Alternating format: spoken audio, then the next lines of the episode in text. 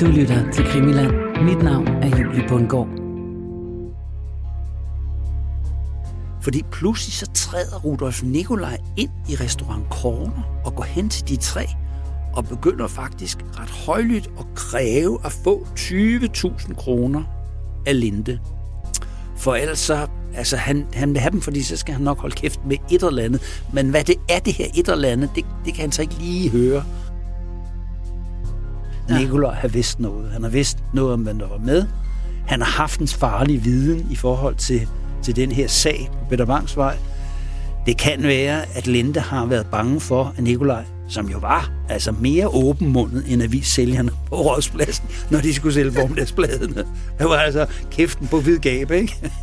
Det, det var ikke nogen hemmelighed i det sorte miljø, at han fortalte altså Gud og hver mand alting, hvad han sådan kunne komme i tanke om. Røgen hænger i tykke skyer i restauranten, og da Rudolf Nikolaj går hastigt igennem lokalet, forbi de spisende gæster, er det som om hans krop skærer en sti igennem tågerne, der straks efter samler sig bag ham. Han går målrettet og hurtigt. Han kunne se dem allerede, da han kom ind ad døren. Hasselstrøm og Linde bagerst i restauranten, selvom den tykke røg godt nok gjorde udsynet over restauranten noget sløret. Og jo tættere han kommer på deres bord, jo mere tager den selskabelige snak til i styrke, og han kan høre Lindes knækkende grin skære igennem de øvrige gæsters summen og småpluderen. Han kommer frem til deres bord og stiller sig foran dem, og uden at afvente de sædvanlige høflighedsfraser og hilsner, går han direkte i kødet på Linde. Hvornår har du tænkt dig at betale det, du skylder mig? Snærer han og kigger Linde skarpt lige i øjnene. Men møbelhandler Linde trækker blot på smilebåndet og drejer hovedet og ignorerer Nikolaj. Den totale ligegyldighed bliver for meget for Nikolaj, der hamrer en hånd i bordet, så tallerkener og glas danser lidt på overfladen. Det kvindelige selskab ved bordet viner, mens Linde og Hasselstrøm straks kigger vredt på Rudolf Nikolaj, der nu nærmest er et råbende vandfald af beskyldninger og æder. Han har faktisk så mange ord, at han slet ikke bemærker, hvordan Hasselstrøm er blevet mere og mere sammenbit under hans talestrøm. Pludselig rejser Hasselstrøm sig fra bordet, og Nikolaj når lige at bemærke for sig selv, at Hasselstrøm bevæger sig utrolig hurtigt, trods sin store størrelse, men så når han heller ikke at tænke mere, inden han mærker Hasselstrøms knytnæve lige i ansigtet, og alt bliver sort. Hasselstrøm har ramt ham klokkerent. Da han lidt efter kommer til sig selv, har to tjenere allerede fat under armene på ham, og er i gang med at følge ham ud af restauranten, og han kan høre selskabet bagved fortsætte højlydt, som om intet var hent. Velkommen til endnu et afsnit i Krimiland-serien Æderkoppen og min morfar. Mit navn er Julie Bundgaard, og øh, for efterhånden et par måneder siden, der begyndte jeg på denne her rejse ind i efterkrigstidens gangstermiljø. Oprindeligt for at finde ud af mere om min kriminelle morfar Ejner Høskulsson, og lige siden vi i afsnit 5 fik øh, etableret en forbindelse mellem Ejner og æderkoppen Svend Åge Hasselstrøm, ja, så har vi bevæget os længere ind i æderkopspindet og har stiftet bekendtskab med nogle af de typer, der regerede i den kriminelle underverden, både under og efter 2. verdenskrig. Det kulminerede i forrige uge med et dobbeltmor i Køge Bugt, og i sidste afsnit dykkede vi så ned i en af de helt store teorier bag mordene, nemlig at øh, dobbeltmordet skulle være bestilt af den kommunistiske top i Danmark, fordi man ikke ville risikere en lukrativ våbenhandel med Israel, skulle falde i hænderne på et par kapitalistiske sortbørshajer, som Rudolf Nikolaj og Hjalmar Olsen, som derfor måtte betale med deres liv den skæbnesvangre nat i Køgebugt. Men jeg mener godt, man kan sige, at det er sandsynligt, at det hænger sådan sammen, uden jeg selvfølgelig kan bevise det på nogen måde. Det er lidt det, man kunne godt tænke var motivet. Der er i hvert fald meget, efter min mening, der peger på, at det er sådan, det hænger sammen. I det her afsnit, der skal vi kigge på nogle af de andre teorier, der er om dobbeltmordet i Køgebugt. Og her kommer vi både omkring Johannes Linde, som kan have haft en interesse i at få Rudolf Nikolaj likvideret. En anden mulig teori går i retning af Hasselstrøm, og måske er der faktisk også en mulighed for, at det kan have været en kombination af Linde, Hasselstrøm og kommunisten Richard Jensen, der er gået sammen om at få ryddet Rudolf Nikolaj og Hjalmar Olsen af vejen. Sidst, men absolut ikke mindst, så er der faktisk også en teori, som kobler dobbeltmordet i Køgebugt sammen med dobbeltmordet på Peter Bangsvej. Det her er 12. afsnit i serien om æderkoppen og min morfar. Et afsnit, vi kalder for to gange dobbeltmord. Den 22. april 1948 bliver Rudolf Nikolaj og Hjalmar Olsen likvideret af Anders Jørgensen, som vi har hørt i de foregående afsnit. Og det er bestemt ikke noget, der går ubemærket hen i den danske presse, som øh, i det hele taget har rigtig travlt i 1948, for der er virkelig mange voldsomme begivenheder, der rydder forsider det år. Der er jo en fantastisk reaktion i offentligheden på de her forskellige begivenheder i 48. Det er altså virkelig et år, hvor der sker utrolig mange spændende ting. Øh, og, og, og, og forfærdelige ting også selvfølgelig. Det, det er det år, hvor den kolde krig så den for alvor begynder at starte. Øhm, og, og, og, og hvad skal man sige, forholdet mellem vestmagterne og Sovjet bliver skærpet. Øhm, man opruster faktisk på begge sider. Øhm, og på et tidspunkt, så er, er statsministeren øh, så urolig for, hvad der er, der foregår, øh, så han sådan bliver overbevist om, at der nærmest er gang i et kommunistisk kup i Danmark. Altså, der har været et kup i Tjek Tjekoslovakiet, hvor man har væltet den lovlige regering og indsat kommunister, og, og den danske statsminister, han bliver simpelthen bange for, at, at der ved at ske noget lignende i Danmark, så han sætter efterretningstjenesten til at undersøge alle mulige historier om, om der bliver importeret våben til, til, til Danmark, om kommunister er i gang med våbensmugling og får bevæbne sig osv. osv. Han får rapporter om, hvor mange våben har Bopa egentlig liggende, og det er altså en anselig mængde, de har liggende rundt omkring sig. Så han, det er sikkert bekommet ham vel, at nogle af dem blev eksporteret til Israel, så, så de ikke var i hænderne på, på oprørsvillige kommunister. Det kan måske også have været medvirkning til, at man fra regeringens side har ville se igennem fingrene med, med våbensmugling. Og så sker der de her dobbeltmord. Først sker der dobbeltmordet i, på Peter Bangsvej i februar, som er et mystisk dobbeltmord. Øh, øh, vel, vel, vel, vel, hvad hedder sådan noget, øh, vel, velstillet familie bliver myrdet. Meget sjældent den slags sker, ikke? Og ingen oplagte motiver, og man kan ikke rigtig finde ud af det, de forsker i det der, en af de største morserier i dansk historie. Senere hen, så kommer vi til dobbeltmord i Køge Bugt, som vi har snakket om, Senere han er der en fotohandler, Pinsky, som bliver myrdet på brutal vis, et mikroskop slået ned nærmest, ikke? Øh, og en økse i baghovedet, og forskellige andre øh, grusomme detaljer, og der er et kvindemor i Kildeskoven, som er uopklaret, og øh, først bliver opklaret mange år senere. Og der, der sker rigtig, rigtig, rigtig mange ting. Så aviserne har jo masser at skrive om. Altså det, jeg tror, det har været det har været skønt at være journalist på det tidspunkt. Og jeg skal love for, når man sidder og bladrer lidt i aviserne, så er der altså, altså overskrifter. Ikke? Der er en her, hvor der står, rygterne om våbensmuglinger. Politiet har hver gang foretaget til bundsgående undersøgelser, men der er alligevel noget om sagen. I sidste afsnit, der dykkede vi som nævnt ned i den teori, der altså peger i retning af, at øh, Anders Jørgensen enten alene eller på bestilling fra kommunisten Richard Jensen henrettede Nikolaj og Olsen for at gavne kommunisternes mulighed for at sælge våben til Israel. Men hvis det nu ikke var Richard Jensen og den kommunistiske bevægelse, der bestilte likvideringerne den nat den 22. april i Køgebugt, hvem gjorde så. Rudolf Nikolaj var en mand med mange forbindelser, og en mand, som havde gjort sig overordentligt bemærket i det københavnske sortbørsmiljø. Og alene det gjorde ham til et mål, både i forhold til konkurrenter, men også i forhold til tidligere frihedskæmpere, som øh, kunne have svært ved at glemme Nikolajs indgående forbindelser til tyskerne under krigen. Men Nikolaj var også en mand, som kunne ligge inde med for meget viden om sine mange forbindelser. Og det kan også have gjort ham til et udsat mål. En af dem, som kunne have haft en interesse i at få skaffet Nikolaj af vejen, er møbelhandleren Linde.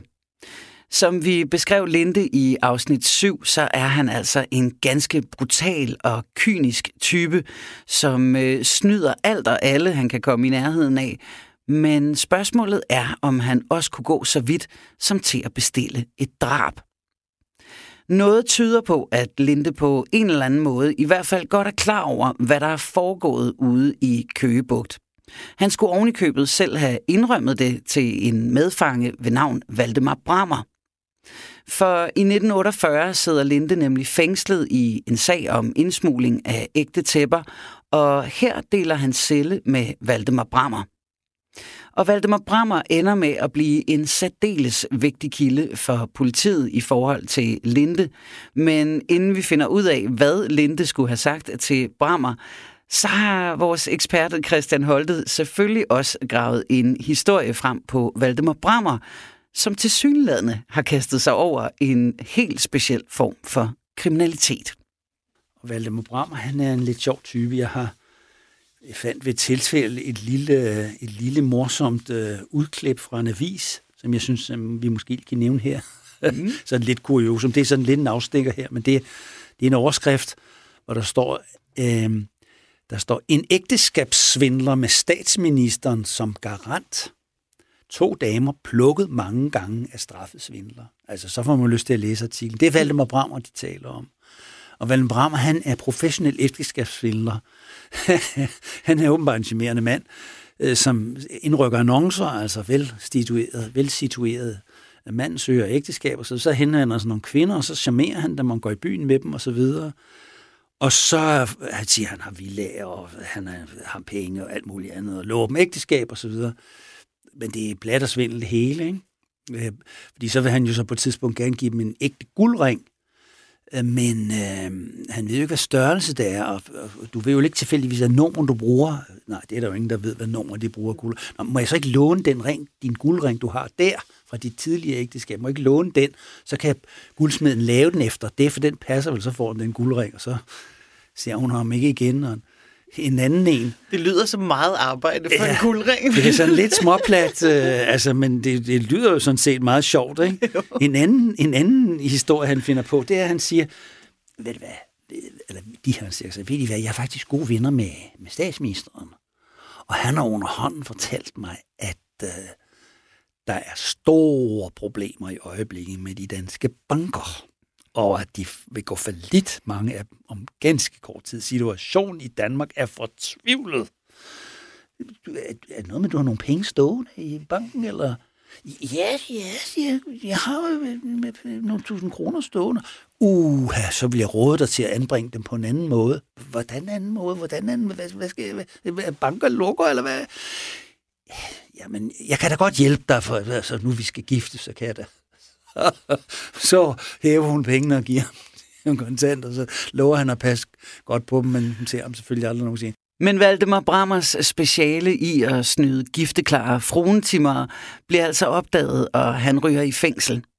Og her kommer han så til at dele celle med Johannes Linde, og det er ikke småting, han får at vide af Linde i deres fælles celle. Og på et tidspunkt, der de sidder og drikker, og Linda har bestukket de her fangevogter, og de her sidder og hygger sig og ryger. På det må man slet ikke gøre, men det gør de selvfølgelig, ikke? Og, øhm, og så kommer de til at tale, og Linde vil have ham til at gøre forskellige ting. Altså, jeg tror, vi fortalte tidligere om, hvordan han, han vil have Brammer til at begå indbrud, og han, øh, de smugler, han smugler breve ud og sådan noget. Linde kan jo ikke skrive, så Brammer han skal skrive han skal skrive de her breve for Linde, så han kan holde forretningerne kørende. Men så på et tidspunkt, så siger han, du vil jo nok om det der dobbeltmor i Køge.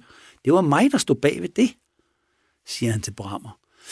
Og, det, og Linde er jo ikke den type, der praler med den slags. Han praler ikke med sine forbrydelser sådan, altså. Det kan godt være, at han praler med, hvor, altså, hvor mange penge han har, og sådan noget, af de der fine ting, han har, sådan, men det er meget sjældent, han, jeg har i hvert fald ikke set støtte ret mange øh, øh, steder på, at han sådan praler med, at han har gjort en forbrydelse. I hvert fald ikke mor. det har han i hvert fald ikke snakket om før. Det siger han til dem Bram, og de har åbenbart fået et rigtig godt forhold i fængsel der. Jo, og grunden til, at han står bag ved det her dobbeltmord, det er, at Rudolf Nikolaj har forsøgt at lave afpresning af Linde. Nå. Og hvordan skulle, hvordan skulle, øh, hvordan skulle, hvad hedder det, øh, hvordan skulle Nikolaj kunne afpresse Linde? Jo, han ville have 50.000 kroner i løbet af meget kort tid, siger Linde. Og det, kunne jo, det var jo ikke sådan, altså Linda er ikke en, der kan lide at slippe penge overhovedet jo. Det har vi jo hørt mange gange, at, at snyder Gud er hver mand, selvom man har lovet at betale noget. Og det tror jeg, det er at tale om her. Jeg tror, han skylder Rudolf Legonlej nogle penge. Jeg tror, han skylder Nikolaj penge for en masse tæpper, som de har smuglet. Nikolaj har jo smuglet tæpper for, for Linde og, og solgt dem, videre solgt dem osv. Der tror jeg, han helt naturligt har Linde forsøgt at snyde ham. Så han forsøger at snyde alle. Og så har Nikolaj på et eller andet tidspunkt sagt, altså nu, nu skal jeg snart have de der penge der, fordi Nikolaj planlægger nemlig at tage til Sydamerika sammen med Hjalmar Olsen. De skal lige have lavet den her store forretning ude på sundet med de her maskinpistoler, så skal de ellers, de to, skal daffe af. Hjalmar Olsen sammen med sin kone og sine to drenge, øh, og, og Nikolaj, han skal have sin kæreste med. Den kone, han har i Aalborg, hun ved vist ikke noget om det her, tror jeg. Men, men det, så, de, så han vil gerne have så mange likvider som overhovedet muligt. Derfor går Nikolaj ifølge denne her teori til Linde for at få de penge, som Linde skylder ham. Men som vi ved om Linde, så er han altså aldrig meget for at skille sig af med penge, hvad enten han skylder dem eller ej. Så for at være sikker på, at Linde betaler, så bruger Rudolf Nikolaj afpresning. Han ved nemlig noget om Linde. Om, og, og jeg tror måske ikke, at Nikolaj har truet med det, men, men, men Linde ved jo, at Nikolaj altså ved, at han har lavet spionage med fiskekutter sammen med Sigurd Espersen øh, under 2. verdenskrig. Hele denne her mulige spionageting, som øh, Linde altså muligvis har været involveret i med øh, Danmarks på det tidspunkt største fiskeeksportør Sigurd Espersen, det fortalte vi også om i afsnit 7 om Johannes Linde. Og det kan være Nikolajs viden om denne her spionagesag, der har gjort ham til en torn i øjet på Johannes Linde. En torn, der kun kunne fjernes med drab. Og det der med at lave spionage, det er ikke særlig populært, og det er ikke kommet frem. Han, der har været nogle skriverier i lokalpressen op i Hirtals om, at der foregik ting og sager på havnen, ikke? men det er aldrig rigtig kommet frem. Vel? Mm. Og der har været nogle, nogle undersøgelser osv., men der er ikke nogen, der har kunnet sådan finde nogle egentlige vidner. Men, men Nikolaj er formentlig et tæt vidne. Formentlig har han været med til at arbejde med nogle af de her ting her. Og jeg tror, han ved noget om den spionage, og det tror jeg, at, øh, og det antyder han så også over for Brammer, at han har sådan en viden om mig. Ikke? Øh, og det tror jeg, øh, at det, der ligger bagved, når så Linde siger, så siger han til Brammer, jamen har du ikke nogen gang haft sådan nogen, øh, har du ikke nogen gang haft nogen, du bliver så vred på, at du kunne have lyst til at rydde dem af vejen? At du kunne, kunne slå dem ihjel? Så kigger han så på Brammer der, i sin fælde der, og så Brammer han ser lidt forvirret ud, sådan, han er ikke sådan nogen morder-type, så, så, han, så han siger, ah, det vil han, ah, det vil ikke. Jo, jo, det er sådan, sådan havde han det med Rudolf Nikolaj, siger Linde der. Ham kunne jeg altså, han, så ham fik jeg ryddet af vejen. Drabet i Køge Bugt, det er mit værk, siger han til Brammer. Og Brammer han siger, okay, den bliver lige læret inde på mentallæret derinde. Mm-hmm. Og senere fortæller han jo alt, hvad der er foregået i den her celle, det fortæller han til politiet.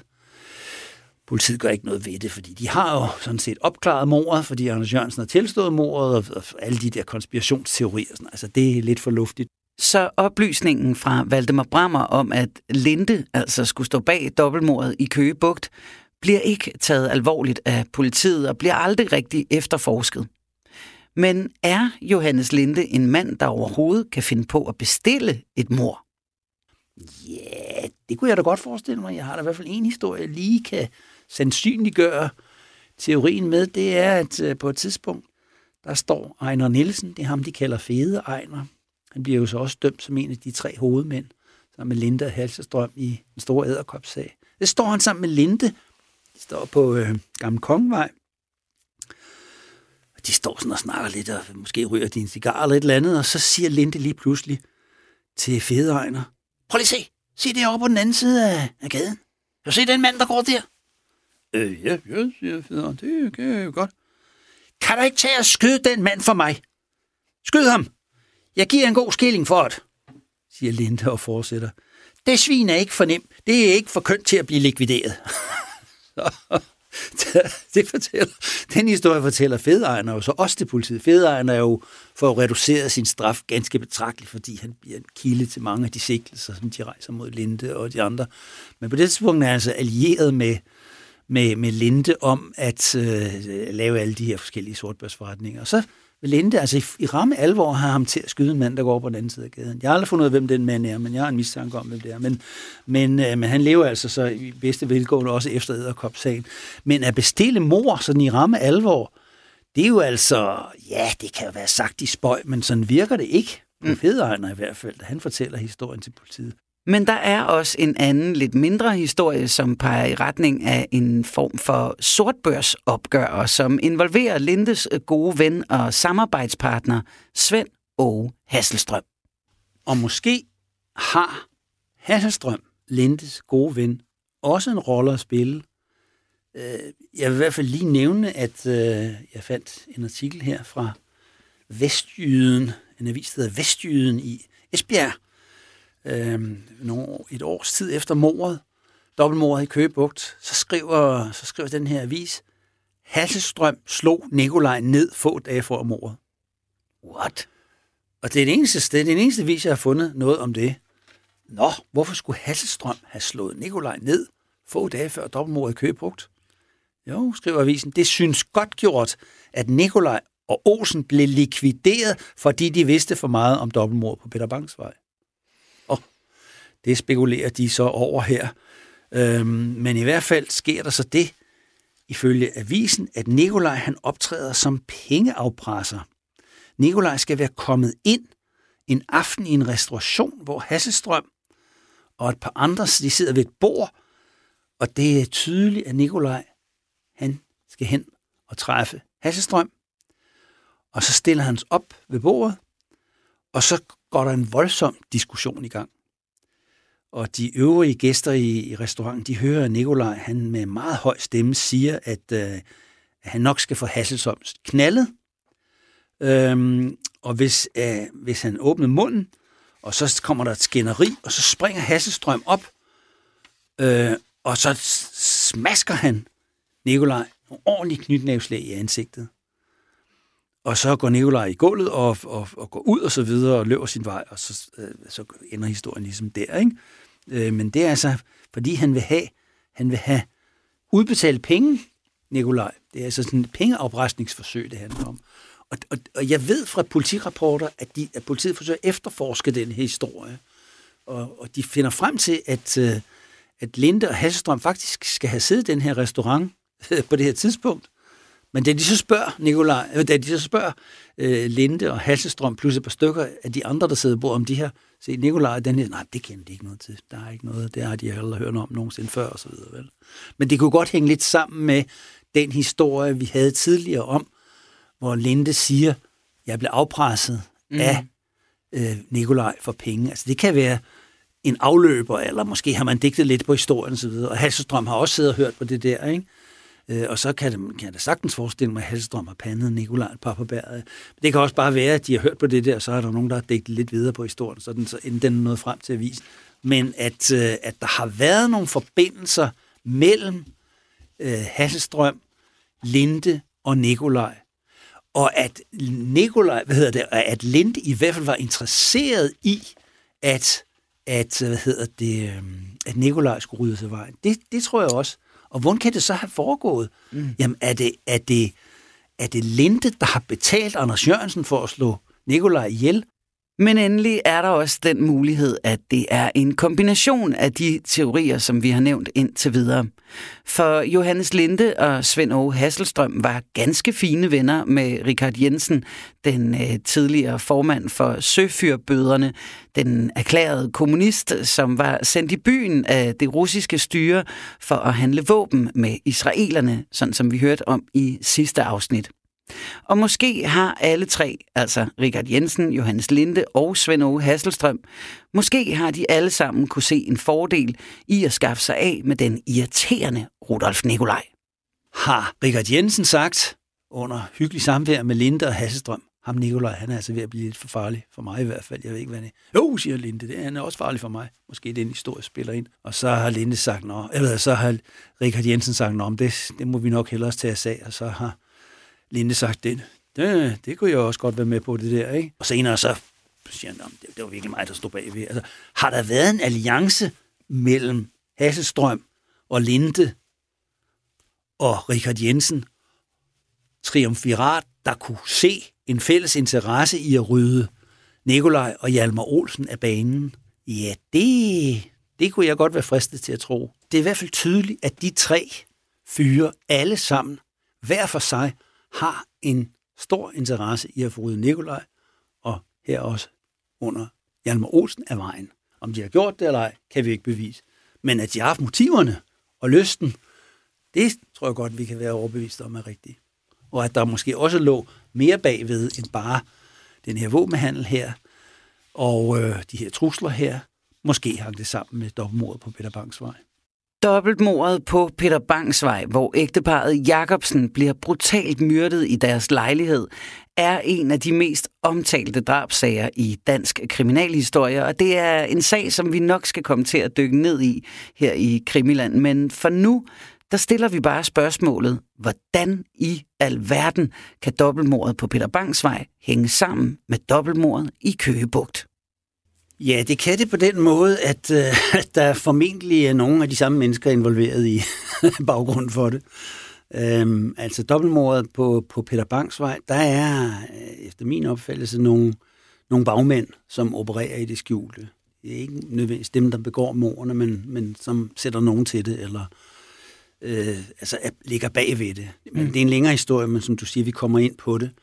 Men en af dem, som, som formentlig har haft en finger med i spillet, det er så møbelhandler Linde. Øhm, og en af dem, som ved noget om det, det er Rudolf Nikolaj. Og en af dem, som også ved noget om det, det er Hjalmar Olsen. Øhm, og de, øh, efter øh, det her dobbeltmord i, i, i, på Frederiksberg, øh, der går der nogle måneder inden, inden at det næste mord sker i, i Køgebugt. Og, og det, der er, det, der er interessant, det er så, hvad, hvad foregår der imellem de her to mor her? Og, og vi har mange rapporter, af hinanden uafhængige rapporter, som ligger i politiets øh, arkiver, både i, i Køgebugt-sagen, men også i den såkaldte Æderkop-sag, som viser, at Nikolaj han er i stigende grad nervøs efter februar morgenen der på Peter Banks vej. Altså, han, han, han er simpelthen han er deprimeret. Uh, han anskaffer sig en pistol. Uh, en dag så så kommer hans, øh, så kommer hans kæreste lidt tidligere hjem øh, til hotellet på Nordland, hvor de bor, Hotel Nordland. Og så finder hun Nikolaj, han ligger på sengen grædende, altså en helt ulykkelig og nærmest utrystelig. Hun siger, hvad er der dog galt, Nikolaj? Hvad, hvad, hvad foregår der her? Og hun kalder ham nok Rudi, ikke? Rudolf Nikolaj, han bliver kaldt Rudi. Og så siger han, ja, ja, jeg ved for meget. Jeg, det er min tur næste gang, siger han så. Og så øh, ved hun godt, at han hentyder til øh, noget, at der er foregået der i februar. Nærmere kommer hun ikke ind på det, men, men efterfølgende, så, når telefonen ringer, så farer Nikolaj op, i hvert fald ifølge kæresten Gerda der, og, og, og de fleste gange siger Nikolaj, nu må du tage den. Og så er det, og ganske ofte forklarer hun politiet, at møbelhandler Linde ringer og vil snakke med Nikolaj, men Nikolaj vil ikke snakke med Linde. Og, og så gør han fakter til hende og siger, øh, jeg har ikke, eller et eller andet, ikke? Og så må hun sige, at han er ikke lige til stede, og så må jeg lægge på igen og sådan noget. Så der foregår et eller andet spil mellem Nikolaj og, øh, og Rudolf, jeg øh, øh, ved det, Linde på det her tidspunkt. Det er der ingen tvivl om. Så ifølge Rudolf Nikolajs kæreste Gerda, så er Nikolaj altså tydeligt nervøs i perioden efter dobbeltmordet på Peter Bangs vej, som altså sker den 19. februar 1948. Og der er flere gange, hvor han ikke vil tale i telefon med Linde, og han siger ting som, at han bliver den næste. Og der er flere episoder, der kan kaste lys over, hvad der egentlig skete i de to måneder, inden Nikolaj rent faktisk bliver den næste. Og vi har altså en stribe rapporter, som jeg sagde før, og den mest interessante af dem, som antyder, at der kan være en sammenhæng mellem de to mor, og det, øh, at, at Linde måske er frygter for, at, at Nikola har en viden, han kan komme ud med, måske spiller ind. Det er en historie, som foregår på restaurant Kroner. Og restaurant Kroner, den ligger i Meldagsgade. Fem ældre lytter kan måske huske, at her lå Svend Krones herremagasin i over 50 år. I dag så er det Dennis Knudsen, der, der lægger make op på kvinder øh, øh, i den her meget, meget fine, fine bygning, som er kårbeklædt og helt grøn og sådan noget meget Er specielt. det den lige inde ved Vesterport? Ja, lige, ja. den hedder faktisk Vesterportbygningen. Mm. Meget spøjsbygning, sådan lidt usædvanlig. Så når man kommer på Vesterport station, kan man godt lige kaste et blik derop. Den er meget, meget specielle bygning. Øh, Men der ligger altså på hjørnet der af Mildesgade og Gamle Kongevej, der ligger en restaurant eller en bar. Ja, det er vist både en bar og en restaurant, som hedder Kroner.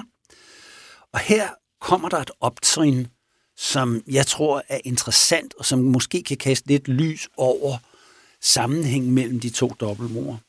Men lad os starte der, hvor historien bliver fortalt. Og det er, det er Børge Oudse, som er redaktør på Information. Han sidder en dag og tamper løs med sine fire fingre på en, en af sine berømte ledere, som står på forsiden af Information mange, mange år. Og øh, så ringer telefonen, og det er så en mand, som siger, det er Møller. Nå, siger Oudse. Han er formentlig lidt distraheret af, af det der, lidt irriteret og så videre, men, men jamen, jeg har nogle oplysninger, siger Møller. Og jeg tror, at de oplysninger kan føre til opklaring af dobbeltmordet på Peter Bangsvej. Nå, siger Aarhus. Han er vist vant til at få den slags opringning. Det er der mange journalister, der får på det her tidspunkt. Øh, øh, jo, siger Møller, fordi at øh, jeg tror faktisk, at det, jeg ved noget om, det i hvert fald kan udløse halvdelen af dusøren. Og der er så udsat en dusør på 20.000 kroner for det her og Politiet har jo sat vældige ressourcer ind, og der, der, det, det rykker sig ikke rigtigt her. Og så, vi er så et stykke tid efter dobbeltmord, så, så laver de sådan, sætter de sådan en dusør på 20.000. Så ham der Møller, han mener altså, at han, han ved noget, som måske kan føre til, at han kan få halvdelen af dusøren.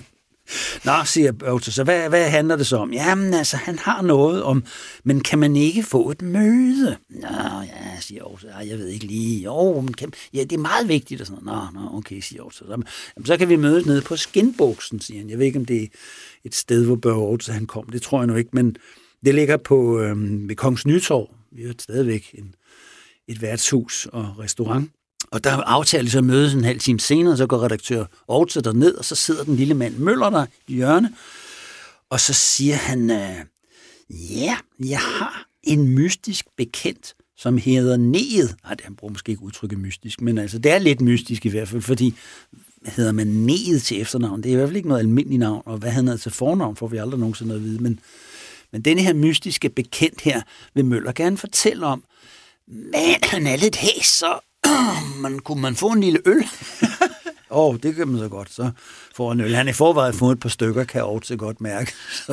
Han kan godt give en på Han kan godt give informationsregning. informationsregning der, og jeg ved ikke, om der også skal nogle små, småskillinger ind i billedet. Altså, og det, det sådan set viser sig senere, det har jeg i hvert fald regnet ud, når jeg sådan kan se politirapporterne, det er, at det er den samme mand, som har været henne ved Anders Jørgensen, well, Anders, hvad hedder de to journalister på, på Socialdemokratiet, Anders Nørgaard og Paul Dalgaard, øh, det, han bliver omtalt som den lille mand, altså den lille øh, alkoholiserede mand, som kommer med det, det første tip om halsestrøm. Mm. Og, og det, jeg tror nu i øvrigt også, at, at de to journalister har andre kilder, som de så skriver sammen til en person. Men, men ham her Møller her, han er, altså, han er i hvert fald en af dem, og han er Øh, den samme type, og han, og han lever af småkriminalitet, og så har han altså fundet ud af det her med, at man kan give tips til en journalist, og så falder der en femmer af, og måske et par bajer på en restaurant, og sådan en, en frokost eller noget. Han har også været inde ved, ved, ved det øh, Nikolaj Schmidt, som er redaktør herovre på Ekstrabladet, som, så han, sådan, han er lidt rundt omkring, ikke? Og så siger han, altså, ja, jeg skal sige dig, det er sådan, at jeg kender en mand, der hedder Ned, og han har nemlig fortalt mig, at der findes en kvittering, som William Jacobsen har udstedt til møbelhandler Linde. Og det er en kvittering på en rulle af det eftertragtede engelske klædestof.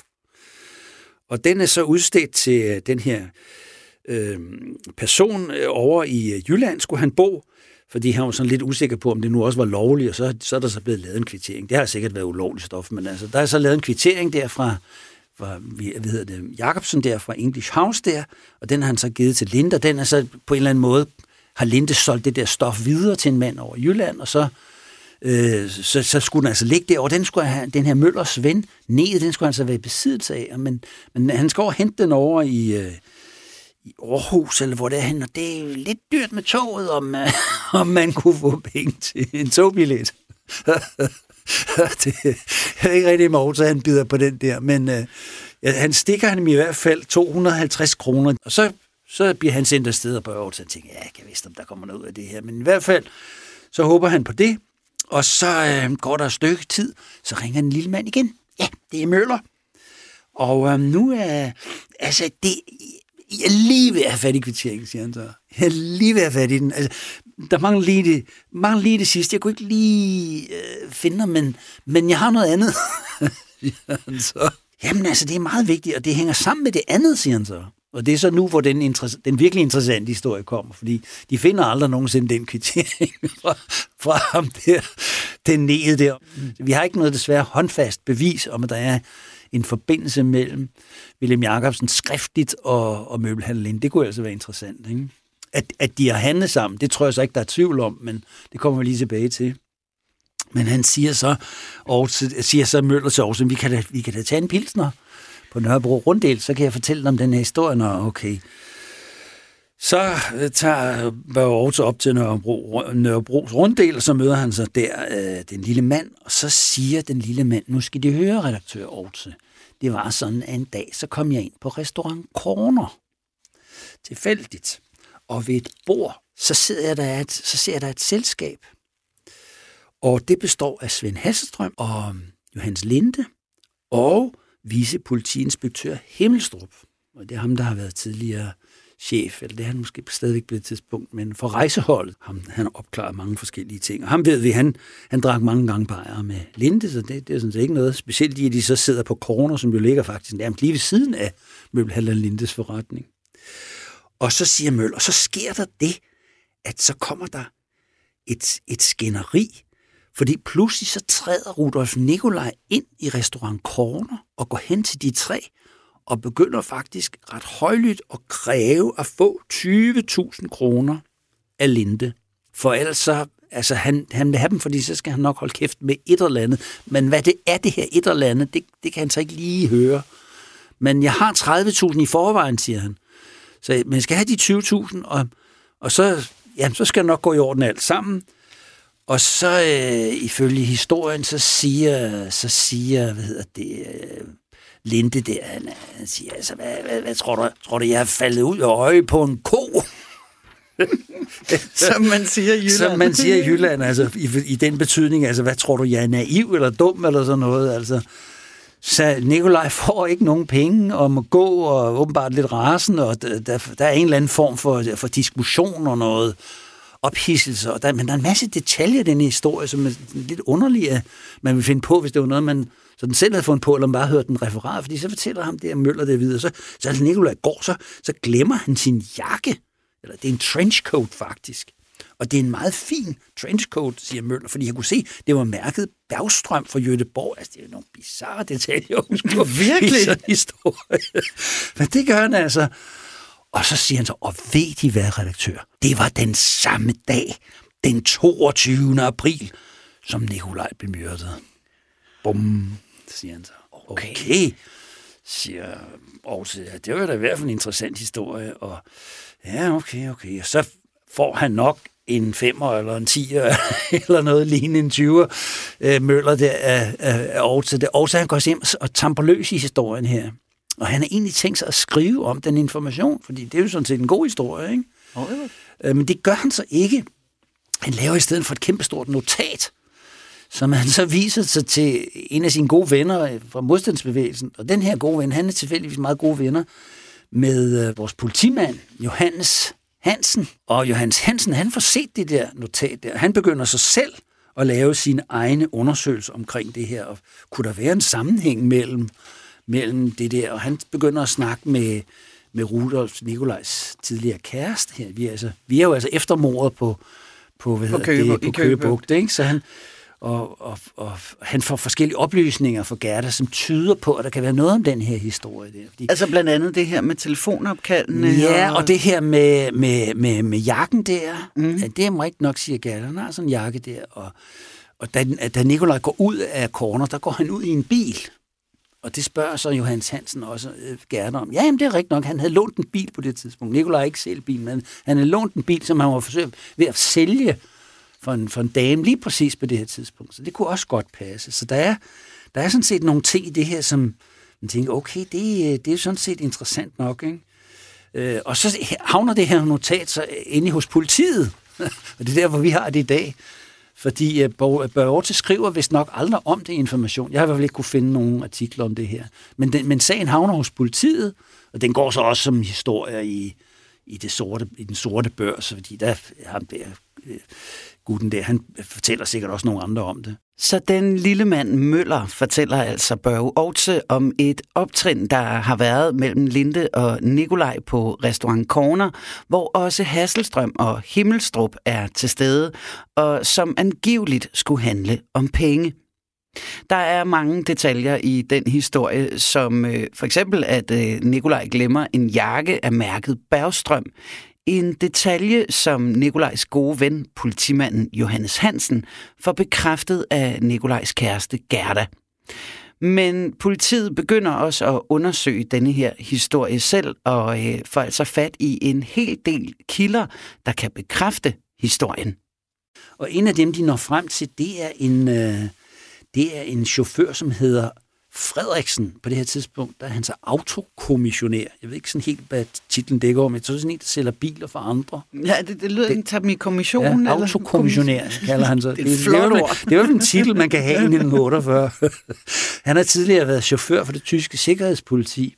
Jeg kender uden, Nikolaj udmærket, siger han så ham afhørt i den her forbindelse, fordi at øh, han har fortalt noget til en anden, som så har fortalt til politiet, og så kommer politiet så frem til ham her.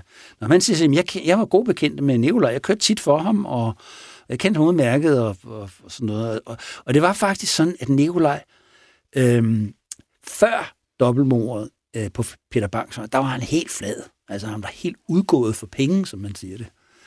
Men efter dobbeltmord, der var han i besiddelse af 33 eller 36.000 kroner. Altså også en sjov det er jo altså mere end års tid efter det her foregået. Der kan man altså huske, at det var 33 eller 36.000, så det er altså et relativt præcist beløb, mm. som Nikolaj er besiddelse af. Jeg kan sagtens forestille mig, at Nikolaj har pralet med, og nu har jeg fået penge igen. Og, og der var lige præcis så mange der var her, så mange. Det, det, ja. det ligner Nikolaj lige præcis at fortælle den slags sjove historie, og også være meget detaljeret omkring det. Ja.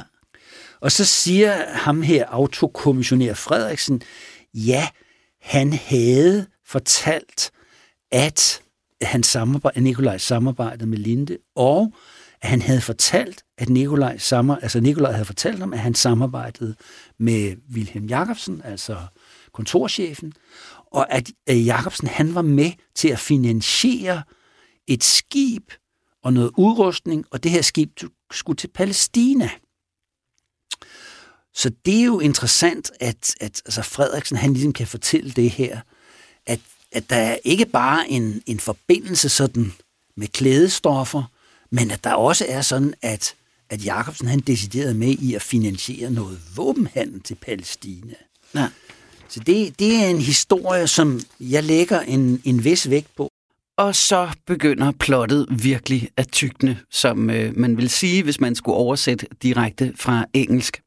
Chaufføren eller autokommissionæren Frederiksen, han fortæller altså politiet, at Nikolaj har fortalt ham, at øh, Nikolaj arbejder sammen med Linde, og at han også arbejdede sammen med kontorchef Jacobsen, som altså angiveligt skulle finansiere et skib, der skulle til Palæstina, og som angiveligt skulle have noget med våbenhandel at gøre. Så det begynder jo at lyde bekendt. Og der er flere af den slags historier. Blandt andet en historie om en Christian Hansen, der ovenikøbet også får et noget uventet tilbud af politiet. Der er flere af dem. Øhm, der er også en anden historie, som jeg synes er meget besynderlig, men som også vidner lidt om det her mærkelige miljø, som er på det her tidspunkt. Og det er en øh, type, som politiet også spørger i samme forbindelse. Og han hedder Christian Hansen, og øh, han sidder, han er nem at få fat på, for han sidder i psykopatforvaring over i Horsens.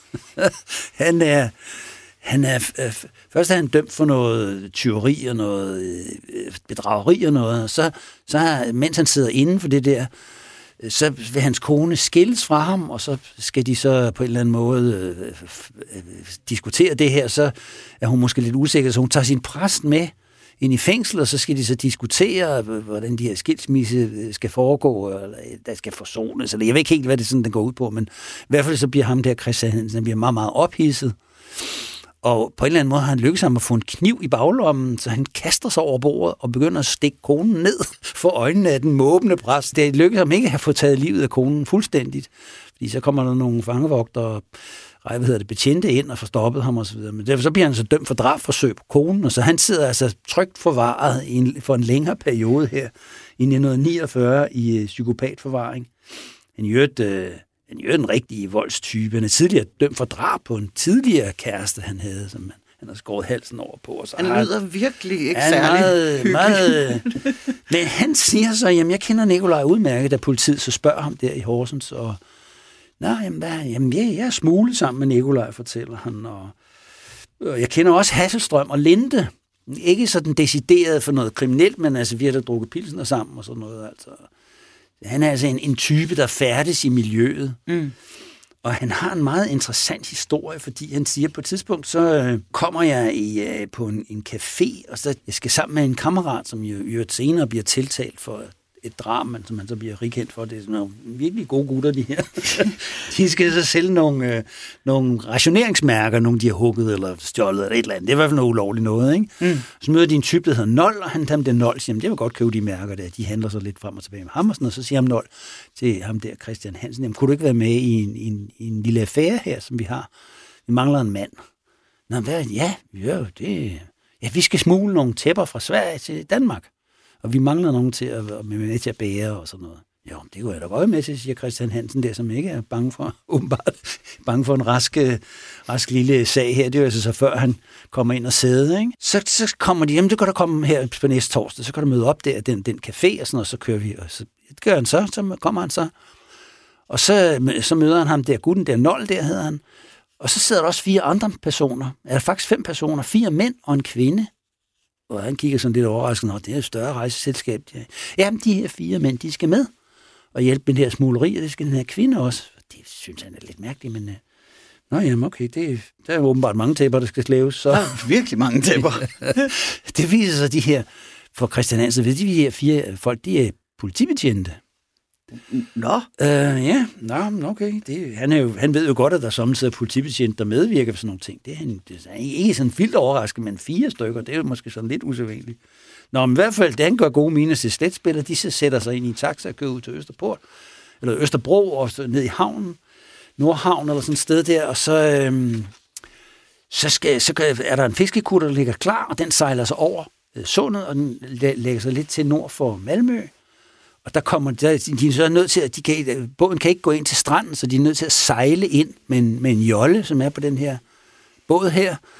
Og så de er nødt til at sejle flere gange, for de er jo så mange, ikke? det er en 6-7 mm. stykker eller sådan noget. Så skal de altså op, de har nogle store tæpper, og nogle af dem de er så tunge, så de to mænd om at bære dem, så det er nogle ordentlige... Sådan nogle kæmpe ægte tæpper, kæmpe ikke? persiske 6 meter, 6 gange 4 meter løber. dosar hedder målene på, på persisk. 6 dosar er det i hvert fald. Når, slæber de her tæpper ned i det robåd frem og tilbage. Det tager jo timevis, det der, ikke? Øh, og det, det gør de så, at de får de her tæpper over, og de bliver så kørt ind, og så forstår så Christian Hansen, at de her tæpper, de skal hen til Linde. Eller i hvert fald til et lagerrum, og det er, Linde. det er for Linde, der arrangerer det her. Halserstrøm er også med i det. Mm. Og det her nummer her med at sejle over hen tæpper, det laver de så på gangen. Og så på et tidspunkt kommer man til at snakke med en af de der betjente, og så siger en af kriminalbetjentene, hør, kunne du tænke dig en opgave af lidt speciel karakter. Ja, siger Hansen, det er Christian Hansen, det er jo det kunne jeg da måske godt. Hvad går det ud på? Jamen, vi vil gerne have dig til at skyde Linde og Hasselstrøm. De skal likvideres. Hvad, siger Christian Hansen. Skal de? Ja, det skal de. De ved for meget. Og det her, det er, på tid, det er altså, i, i, vi snakker her, foråret 48. Måske er det lidt senere. Det er lidt uklart, hvornår det egentlig er. Men altså, det er før, at at selve æderkopsagen begynder at bryde ud. Det er så efteråret 48, hvor mm. Socialdemokraterne begynder at skrive om det. Det er altså på et tidspunkt før. Han er lidt uklar på, hvornår det egentlig er, det her foregår. Ikke? Men er det før eller efter Køge Bugt? Det er også en lille smule uklar, men det er formentlig efter Køge Bugt. Mm. Men, men jeg, kan ikke, jeg kan ikke komme det nærmere, fordi han er ikke sådan specielt detaljeret lige hvad angår tidspunktet. Politiet spørger egentlig heller ikke ind til det. Jeg ved ikke, om de ikke tror på det. Jeg tror, det der med, at der er fire kriminalbetjente eller fire betjente med, det tænker det var da helt åndssvagt. Det er da fuldstændig utænkeligt. Og det er det jo også på det tidspunkt, fordi der er det jo, der er det jo slet ikke kommet frem, at der i Man er det omfang... ja. Nej, altså, selvfølgelig er der nogle af dem, der ved, at der er nogle brødne kar og sådan noget, men, men omfanget er slet ikke gået op for nogen endnu på det her tidspunkt. Så de tænker, hvad, hvad går ikke? Men i hvert fald så, øh, så siger han så, øh, kriminalbetjenten der til ham, du får 20.000 kroner for hvert drab. Og øh, så- så får han en revolver, og så får han en seddel, hvor, hvor der er en adresse, hvor han kan hente pengene, når varerne er leveret. Og så, øh, så skal han så i gang med de der likvideringer. Men det får han nu aldrig gjort. Fordi så bliver han så fængslet i den her sag her, som vi har hørt om før, for noget alfonseri og noget tyveri og så videre. Så kommer han ned og sidder, og så bliver han så ophidset på konen og kaster sig over hende. Så han når aldrig nogensinde at komme ud og, og begå nogle af de her drab her. Og han fortæller heller ikke de her kriminalfolk om navnene på de her. Det kan han så ikke lige huske. Og i det hele taget er der sådan visse punkter i historien. Ham der Nold, der, hvad han egentlig hed. Og, at der er meget, der er uklart. Ikke? Mm. Og det er helt tydeligt, at denne her mand her, Christian Hansen, det er ikke fordi, han ikke ved det her, men det er fordi, han ikke vil oplyse det politiet. Det er det der med, hvor de fortæller lidt, Ja, og fortæller lidt, men man det fortæller alligevel ikke det hele og sådan noget. Ikke? Og om det er en sand historie, det han har, det kan vi jo have meget svært ved at vurdere, men at der har været politifolk, der kunne være interesseret i på det her tidspunkt i foråret 48, at Linde og Hasselstrøm skulle likvideres, fordi at de kunne begynde at snakke om øh, ting og sager. Mm. Det kunne man jo ikke vide. Altså. Så Det, det tror jeg er uomtvisteligt, og der er folk, der kunne finde på benytte sådan en type, som er mere altså en decideret drabsmand, En legemorder. nærmest legemorder. Altså, Ja. Ja. en, der kunne bruges som legemorder, og hvis han så blev fanget, jamen, så ville det jo, var der jo ingen, der ville tro på, at det var, du skulle stå politimænd bagved. Vel? Altså, så, det, så det var den måde, man så ville gøre det på, hvis man nu, nu hvis vi nu spekulerer i det. Ikke? Mm. Men altså, jeg fortæller bare den her historie, fordi lidt, altså, der, der, der, der er jo sådan et meget, meget farverigt miljø på det her tidspunkt, og meget farverige personager, ikke? Oh. Men der, der, hvor det er så relevant i forhold til det, vi snakker om nu, det er, han så siger han så, det er i øvrigt Linde og Hasselstrøm, der står bag dobbeltmordet på Peter Bangs vej. Og Nikolaj vidste noget om det her. Jeg fik faktisk oplysningerne fra Rudolf Nikolaj, og det Nikolaj fortalte mig, det var, at der var to mordere, og at der også var en politimand involveret i gerningen. Og det, det er der, hvor jeg synes, det begynder at blive interessant, fordi det er oplysninger, som jeg senere mener faktisk er rigtige. Mm. Og derfor, hvis det er rigtigt, hvad han siger her, eller det han fortæller til politiet, og det er rigtigt, det som vi så senere kan måske konspirere os frem til, så ligger det sådan en vis troværdighed over for hans historie. Ja. Nikolaj har vidst noget. Han har vidst noget om, hvem der var med. Han har haft en farlig viden i forhold til, til den her sag på Peter Bangs vej. Det kan være, at Linde har været bange for, at Nikolaj, som jo var altså mere åbenmundet end avissælgerne på Rådspladsen, når de skulle sælge formiddagsbladene. Det var altså kæften på hvid gabe, ikke? Det, det var ikke nogen hemmelighed i det sorte miljø, at han fortalte altså Gud og hver mand alting, hvad han sådan kunne komme i tanke om, ikke? Mm. Så Linde kan jo godt have været måske lidt nervøs, men jeg tror også, at spionhistorien med kutterne øh, på, på, på vestkysten har været noget med. Altså. Og så det der med, at han har truet eller antydet, at jeg skal have nogle penge. Altså, Linde har kaldt det afpresning. Altså, Nikolaj har sikkert ment, det var noget kommission for noget tilbehandel, eller et eller andet forretning, de har lavet sammen. Ikke? Der er altså mange beretninger, der i hvert fald understreger, at øh, Linde havde god grund til at skille sig af med Rudolf Nikolaj og Hjalmar Olsen. Kæresten Gerda, der fortæller, at Nikolaj er tydeligt nervøs efter dobbeltmordet på Peter Bangs vej, og hævder, at han selv er den næste. Optrinene mellem Nikolaj og Linde, der kunne tyde på en form for afpresning. Og så chaufføren, autokommissionæren Frederiksen, der fortæller, at Nikolaj har fortalt ham, at kontorchef Jacobsen skulle have finansieret en form for våbenhandel med Israel. Og endelig så er der Christian Hansen, der godt nok mens han sidder i psykopatforvaring, fortæller, at han er blevet tilbudt at slå Hasselstrøm og Linde ihjel, og som også fortæller, at øh, Nikolaj har fortalt ham, at det er Linde og Hasselstrøm, der står bag dobbeltmordet på Peter Bangs Krimiland er ved at nå til vejs ende for i dag, men som du jo altså nok kan fornemme, så begynder vi at følge det spor, der peger imod endnu et dobbeltmord, nemlig det, der blev begået mod Wilhelm Jacobsen og hans kone Inger Jacobsen i deres lejlighed på Peter Bangsvej 74, blot et par måneder før Rudolf Nikolaj og Hjalmar Olsen altså mister livet i Køgebugt. Dobbeltmordet på Peter Bangs vej er en overordentlig stor sag med rigtig mange detaljer og endnu flere teorier om, hvem der mund begik mordet og hvorfor.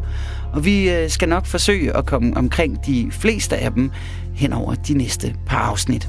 Og så er der måske gået noget tid, og så er kontorchefen kommet hjem, og så er han også blevet slået ned, men først efter at blevet tortureret.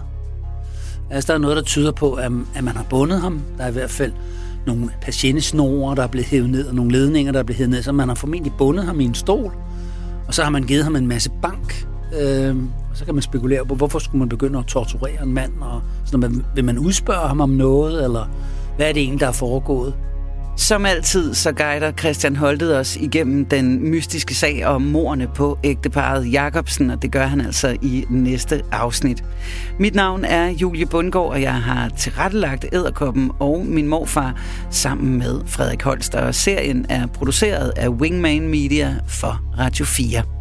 Husk, at du altid kan skrive til os på krimilandsnabelag radio4.dk eller du kan gå ind på Facebook og melde dig ind i Krimilands Facebook-gruppe, og her kan du altså diskutere teorier og øh, mulige motiver med alle de andre lyttere af Krimiland.